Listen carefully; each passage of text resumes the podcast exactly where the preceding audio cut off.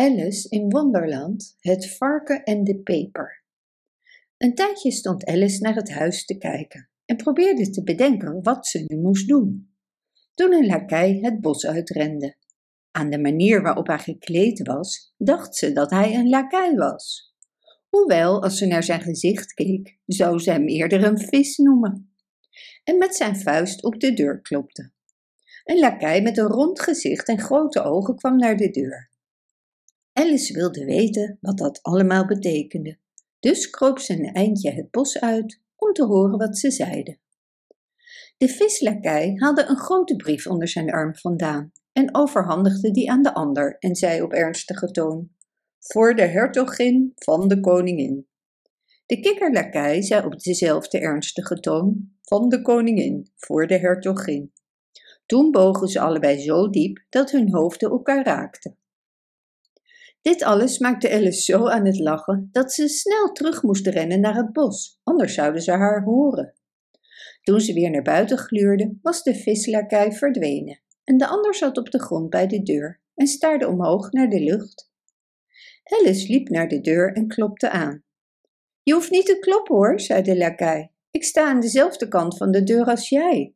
En er is zoveel lawaai in de kamer dat niemand je kan horen. Er was inderdaad een enorm lawaai in het huis. Gehuil en genies, met nu en dan een luid gekraak, alsof er een bord of een pan in stukken was gebroken. Alsjeblieft, vertel me, zei Alice, hoe kom ik dan binnen?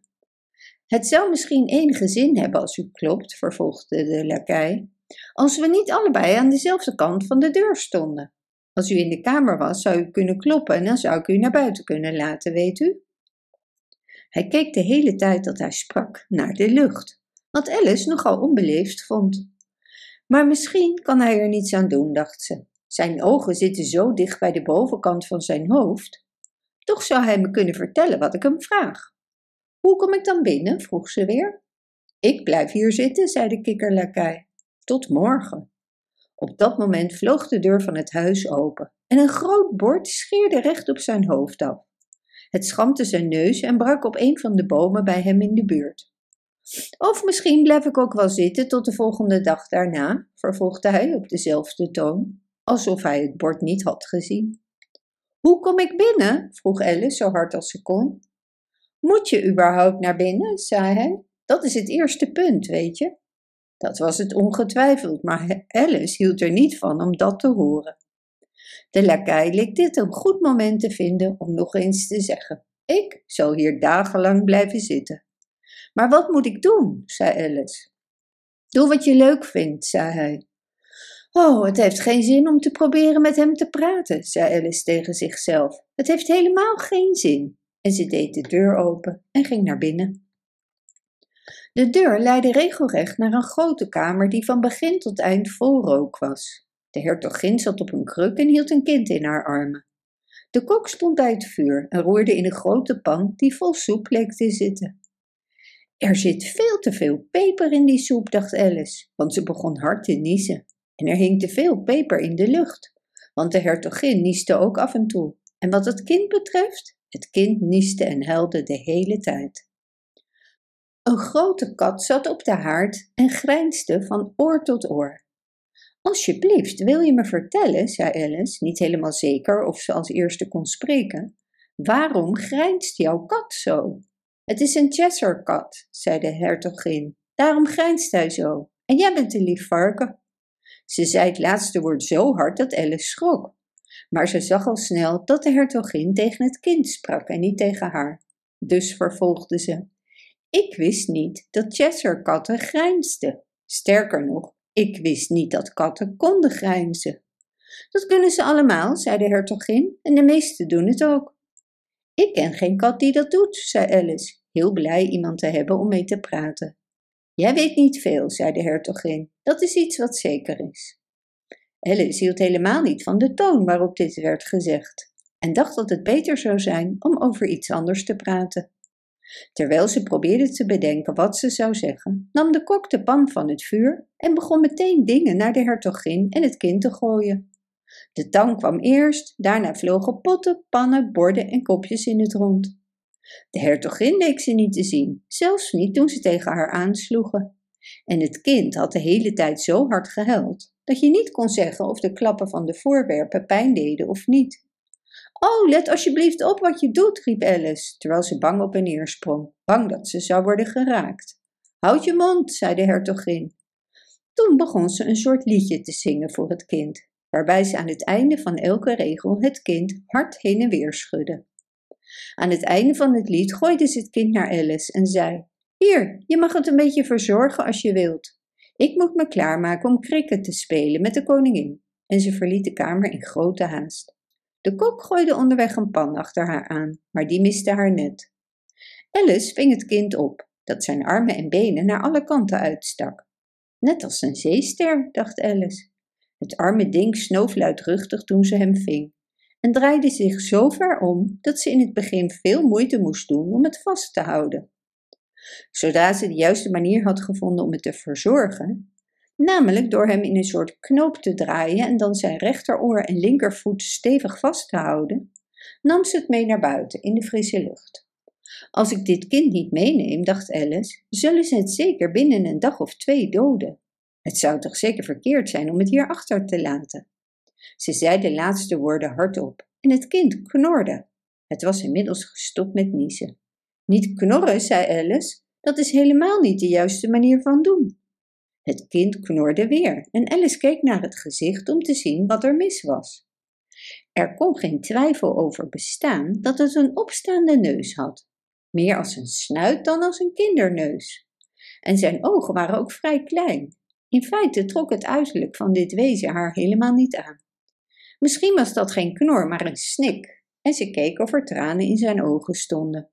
Nee, er waren geen tranen. Als jij in een varken gaat veranderen, lieve kind, zei Alice, wil ik niets meer met je te maken hebben hoor. Het arme ding snikte nog een keer of knorde. Alice kon nog steeds niet zeggen wat het was. Nu, wat moet ik met dit wezen doen als ik het al thuis krijg, dacht Alice. Op dat moment knorde het zo hard dat ze met enige angst naar zijn gezicht keek. En deze keer kon er geen twijfel over bestaan. Het was een varken. Dus zette ze hem neer en was blij hem het bos in te zien draven.